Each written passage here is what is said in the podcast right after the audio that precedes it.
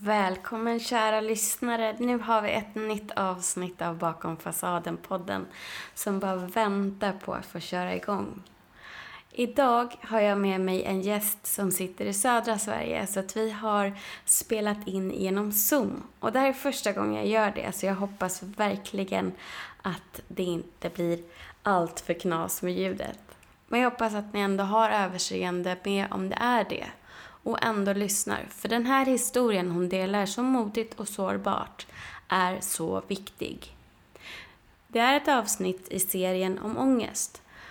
Men du får också komma bakom fasaden på Vem är Aida?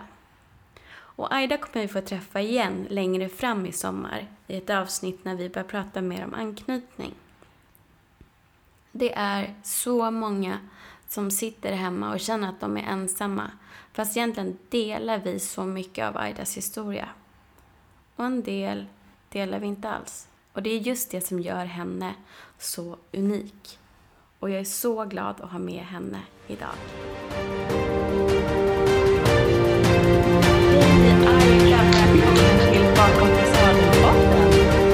Hej tack så mycket. Vad kul att få vara med här. Ja, och jättekul jag tänker du får berätta lite grann hur vi kom i kontakt med varandra och vem är du? Eh, mitt namn är Ida. Eh, jag fyller snart 25. Eh, och ja, vi kom väl i kontakt på Instagram. För att jag är ju väldigt intresserad av personlig utveckling, men även, vad ska man säga, psykisk ohälsa och brukar skriva en del om det. Och så sökte jag andra konton som också skrev om ångest och psykisk ohälsa, men även lite personlig utveckling. Och när jag kom in på just den här podden så kände jag att det var, det var texter som rörde rakt in i hjärtat. Det var verkligen som att någon förstod mig. Åh oh, gud, jag får gåshud när du säger det. Eh, jag blir så himla berörd och det är så härligt att höra att jag har lyckats nå dit till ditt hjärta. Ja, men verkligen. Och det här avsnittet är ju en del i serien om ångest, så vi har ju tänkt att du ska få dela lite av din historia och vad ångest är för dig. Jag har ju, eh, jag har ju haft en väldigt tuff barndom och en tuff uppväxt och egentligen en, en tuff vuxenår också. Eh, jag hade ju barncancer Eh, när jag var nio år. Jag har vuxit upp med en handikappad bror. Ehm, jag har vuxit upp med en narcissistisk pappa som har tryckt ner mig väldigt mycket ehm, och aldrig känt mig tillräcklig. Alltid känt mig som en börda. Ehm, vilket resulterade till att när jag flyttade ut så kom det väldigt mycket ångest. Jag kände mig som en dålig dotter samtidigt som jag inte visste själv vem jag var. Så jag fick väldigt mycket ångest för att dels för att jag inte visste vad jag ville och dels för att jag kände inte att jag, vad ska man säga, jag kände inte riktigt att jag var där jag trodde att jag ville vara. Om du förstår vad jag menar. Mm. Just utbildningsmässigt, jobbmässigt. För man, man jämför ju sig ganska mycket med andra. Um, kompisar, kollegor, vem det än var. Um, och då kände jag mig som ett misslyckande. På grund av att jag hade varit igenom så mycket så hade inte jag hunnit göra allt det där andra som de andra hade hunnit göra. Okej, okay, så du kände att du var inte där du tycker att du borde vara inom citattecken. Och då Precis. fick du ångest för att du kände att du visste inte riktigt hur du skulle nå dit heller kanske? Precis, precis. Och hur yttrade sig ångesten för dig? Jag började bli väldigt orolig. Ehm, jag fick ju, alltså, tänkte väldigt mycket. För när jag flyttade hemifrån så fick jag mycket egen tid, vilket var bra i och för sig. Men jag fick börja liksom tänka själv. För när jag bodde hemma så var jag väldigt kontrollerad. Ehm, och det var liksom mina föräldrar sa till mig vad jag skulle göra. Så allt. Liksom, allt vad jag skulle göra, vad jag skulle säga. Ja, men I princip allt. Så när jag helt plötsligt fick börja tänka själv så förstod jag inte riktigt först vad jag ville som sagt. Eh, och liksom bara att få tänka, att liksom få prata med sig själv inom situationstecken. Det skapade väldigt mycket ångest för mig. För jag visste inte riktigt vem jag var i mig själv. Och när jag jämförde mig med alla andra så tänkte jag att men det där kan jag bli, eller läkare kan jag bli, eller advokat eller whatever. Men det kändes ändå inte riktigt som vi hade samma väg. Alltså det kändes ändå inte rättvist mot mig själv att jämföra mig själv med alla andra. Var det det att du kände att du måste prestera och vara precis, någon? Precis. Okay. precis, precis. Jag hade väldigt mycket prestationsångest. Eh, för jag har ju varit den här duktiga flickan, så att säga. Så jag fick väldigt mycket prestationsångest. Och det är ju... Ja, det är väl typiskt tjejer, tror jag, att få det. Eh, men samtidigt också att jag, jag hade inget självförtroende. Jag trodde inte på mig själv. Jag trodde inte att jag um, kunde hitta kärleken eller att jag såg bra ut eller att någon ville ha mig. Jag trodde inte att jag kunde klara mig själv. Alltså i min egna lägenhet. Jag trodde inte ett dugg på mig själv för någonting de här sanningarna som du då mm. hade i ditt medvetande, är det mm. någonting som har kommit från vad dina föräldrar har sagt åt dig eller har de agerat på ett sådant sätt som har fått dig att, att tillämpa de här sanningarna? Så att säga? Ja, eh, alltså du tänker sanningarna då med det jag tänkte för mig själv? Ja, alltså sanningar i den formen jag menar nu, det är sånt som man har fått för sig är sant. Så man, mm. Det är så verkligt för en själv så man tror verkligen på det. Som att jag måste mm. prestera för att duga eller varför skulle någon precis. älska mig? Sådana saker menar jag. Precis, precis. Jo, men det var ju för mina föräldrar.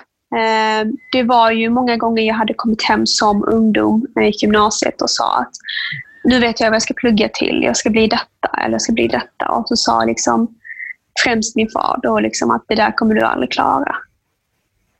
Um, och det var många gånger, alltså jag, fick, jag har fått mycket ja, men blivit nedtryckt på om jag har försökt någonting så har de sagt att jag kommer inte klara mig själv. Det kunde vara allt från att stå i köket och hacka grönsaker. Att men det där klarar inte du själv, låt mig göra det åt dig. Ehm, till att ja, men, utbilda mig till någonting. Så det kunde verkligen vara från minsta grej till större saker.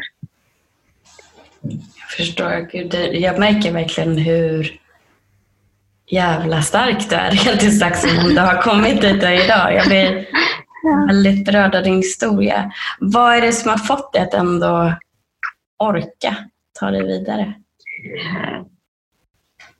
Ja, men jag har en drivkraft i mig själv. Um, och jag tror någonstans att det här kommer bara att gynna mig. Det här kommer att göra mig stark. Jag har ju dels haft cancer som barn och bara att jag har överlevt det, det säger en hel del att liksom jag är ämnat för något större. Och jag vet om att hade jag fortsatt att bo hemma, hade jag fortsatt att bara lyssna på mina föräldrar, då hade jag varit riktigt olycklig. Ehm, så att någonstans så vet jag om att den här resan som jag gör nu hoppas jag kunna hjälpa någon annan med. Eller hoppas jag kunna nå ut till någon annan med. Och det gör du ju genom att du har ditt Instagramkonto och att du medverkar till exempel här idag. Så det är, det är verkligen ett jättebra sätt att nå ut och våga dela och vara så sårbar som du är. Ja, men verkligen. Det är väl första steget. Precis. Och när, när det gäller din ångest, är det någonting som du har sökt hjälp för? Jag har träffat psykologer och terapeuter och allt möjligt sedan jag var 13. Ehm, och då har det varit många gånger att de har, bara an, de har bara antagit att det har varit hedersrelaterat eller att det har varit kulturrelaterat och inte riktigt lyssnat um, på mig. Många gånger har de frågat om finns det någon risk för att du kommer bli bortgift, finns det någon risk för att du kommer bli mördad och så vidare. Men de förstod ju inte att det var att mina föräldrar inte mådde psykiskt bra. De var själv trasiga själar. Så hur skulle de ta hand om ett barn då? Mm. Så när, när jag började gymnasiet och gick en psykologikurs och vi fick lära oss om vad en narcissist var för någonting, då började liksom saker och ting falla på plats. Alltså jag, jag började förstå var det faktiskt jag, vilken situation jag var Och när jag började googla på liksom narcissistiska föräldrar och allt det här så föll verkligen alla bitar på plats. Um, Så att jag har inte träffat någon riktig psykolog eller terapeut ännu. Um, men jag har fått en tid i, om, någon, om någon vecka. Så att jag hoppas och håller tummarna att det är någon som faktiskt kommer förstå mig. Och idag har jag väl lättare att sätta ord på vad ska man säga, var smärtan sitter, vad felen är. men det är just för att jag har haft en tuff barndom, jag har haft en tuff uppväxt, jag har haft barncancer, jag har haft en narcissistisk far, jag har blivit väldigt kontrollerad. Nu kan jag säga det med och det är också just med att jag har en otrygg eh, ambivalent anknytningsteori. Nu kan jag verkligen sätta ord på det. Och då tror jag att det är lättare att träffa rätt psykolog eller att få rätt hjälp. Och jag fick även lära mig häromdagen att jag kanske är ett maskrosbarn. Och då blir det också ännu lättare att faktiskt måla upp en bild om man säger så. Hur ser relationen till ångest ut idag? Får du fortfarande ångest och panik? Jag får ångest eh, idag och väldigt mycket panikattacker, eh, så att säga. Panikångestattacker. Eh, kanske en gång i veckan. Och det som triggar det kan vara alltså bara någonting som stör mig. Någonting jättelitet som stör mig. Det kan vara allt med från liksom, ja, men någonting som vi har hemma eller någonting som är på jobbet eller någonting med min partner. Det kan verkligen vara allt. Eh, men det handlar ju inte om den lilla saken utan det handlar om allt jag har grävt ner. Mm. Är det någon gemensam nämnare som du kan efter attacken ändå se som triggar? Vad tänker du då? Jag tänker om det till exempel är en känsla av att inte räcka till eller att ja, någonting som du kan gå tillbaka till och känna igen att det kan vara olika situationer men egentligen så är det samma mm. grund. Det känns på något sätt som att allting går emot mig. Och det är väl det som också eh, har gjort, alltså har skapat väldigt mycket av den här ångesten. Jag tror att jag har haft väldigt mycket föreställningar eller förväntningar både på mig själv och på mitt liv. Och när det inte har blivit som jag tror så, känns det, så känns det inte så bra. Då kommer den här ångesten. Men också att jag känner att jag konstant möter på hinder. Det är liksom hela tiden någonting som jobbar emot mig. Och då vill jag inte riktigt erkänna för mig själv, utan då tänker jag, ja men vi löser det här problemet. Eh, men det, det är liksom små problem som triggar igång de djupare tankarna. Jag fattar. Och vad gör du för att hantera det då när det kommer? Alltså jag, jag, om man säger så här, jag har ju hela tiden varit en problemlösare. Jag försöker hela tiden se saker och ting på ett positivt sätt. Eh, så att när jag ser att jag inte kan påverka vissa situationer, då blir jag väldigt frustrerad och då får jag väldigt mycket ångest. Så jag har ju också ätit den här eh, kontroll... Eh, jag har ju också en liten... Precis, kontrollbehovet.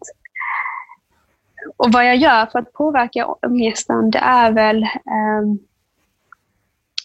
det är väl att faktiskt läsa på eh, om, mer om personlig utveckling och även anknytningsteorier och även eh, just ångest.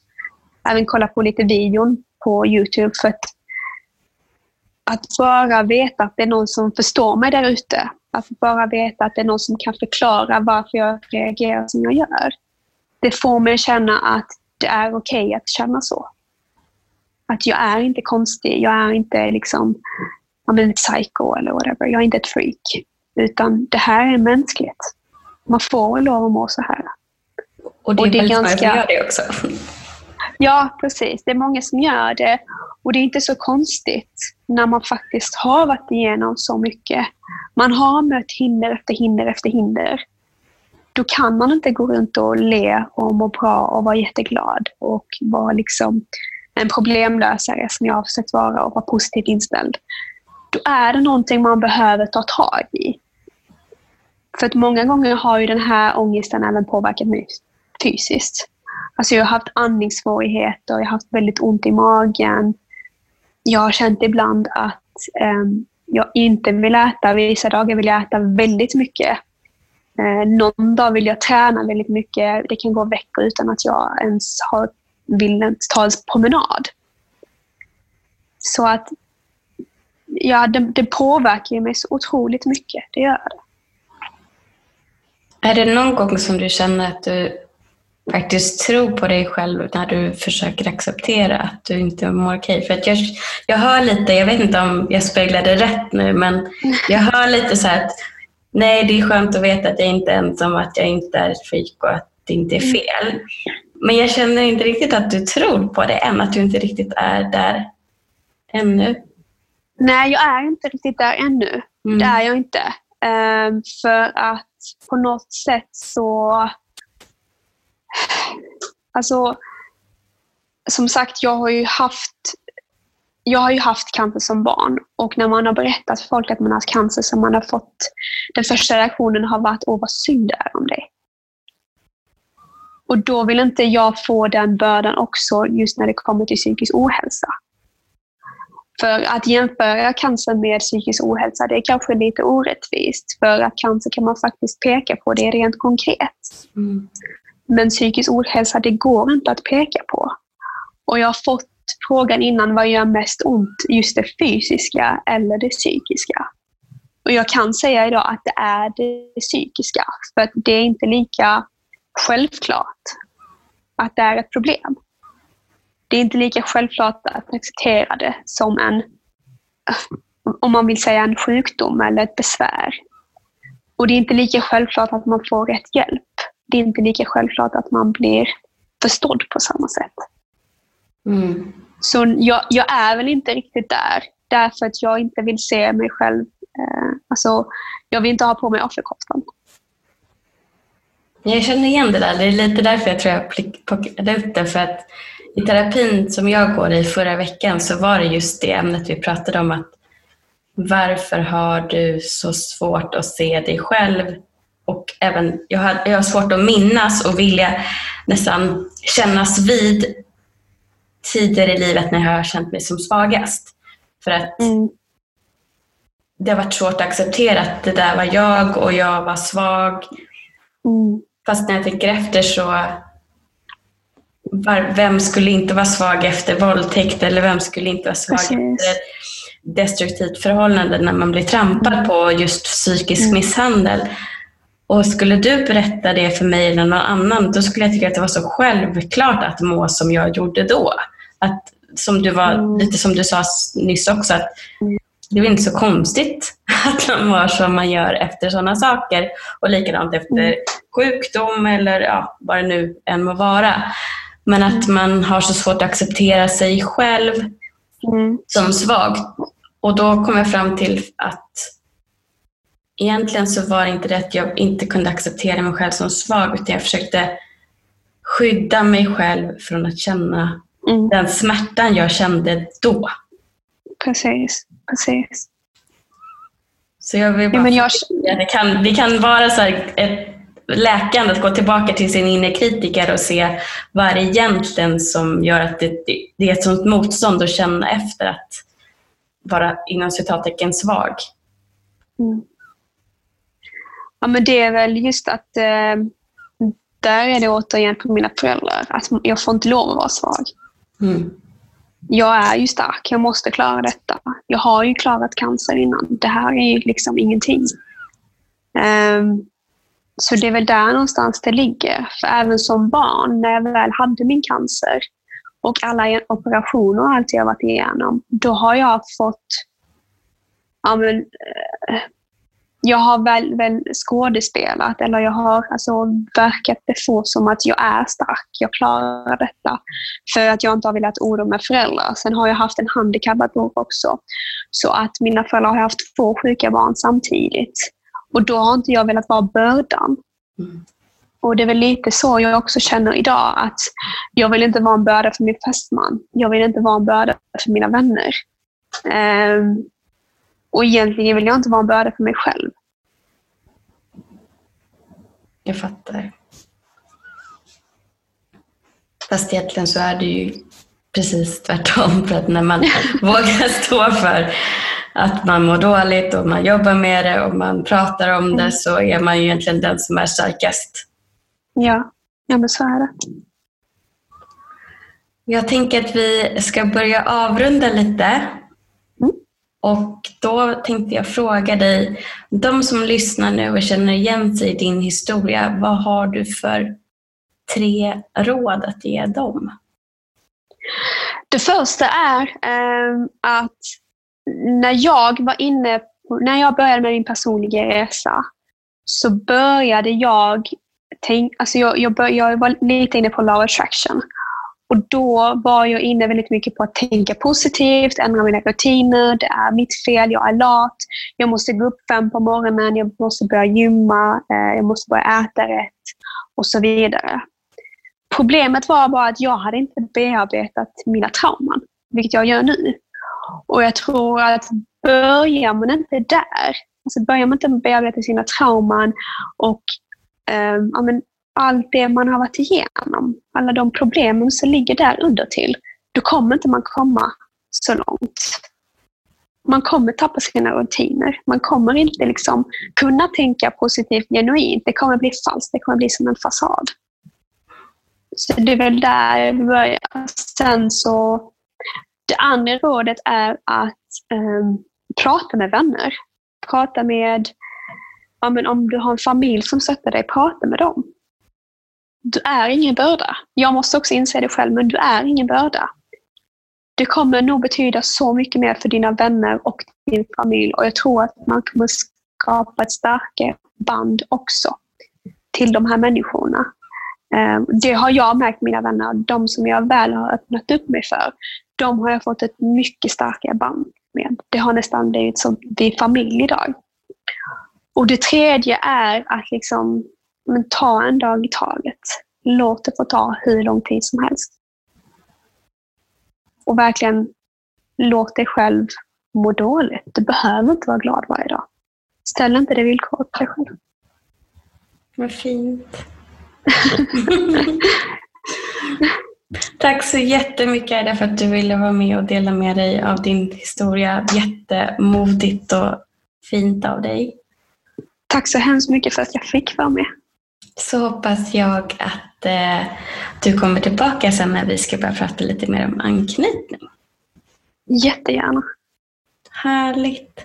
Då får jag tacka alla som har lyssnat och eh, som sagt podden går att lyssna på Spotify, Podcast och Podaddict. Och känner ni att det här är någonting som ni vill att vi ska dela med fler så hjälp till att dela genom att gå in på podcaster, lämna betyg och gärna också länka. Så får ni ha det så bra. Tack så mycket. Hej!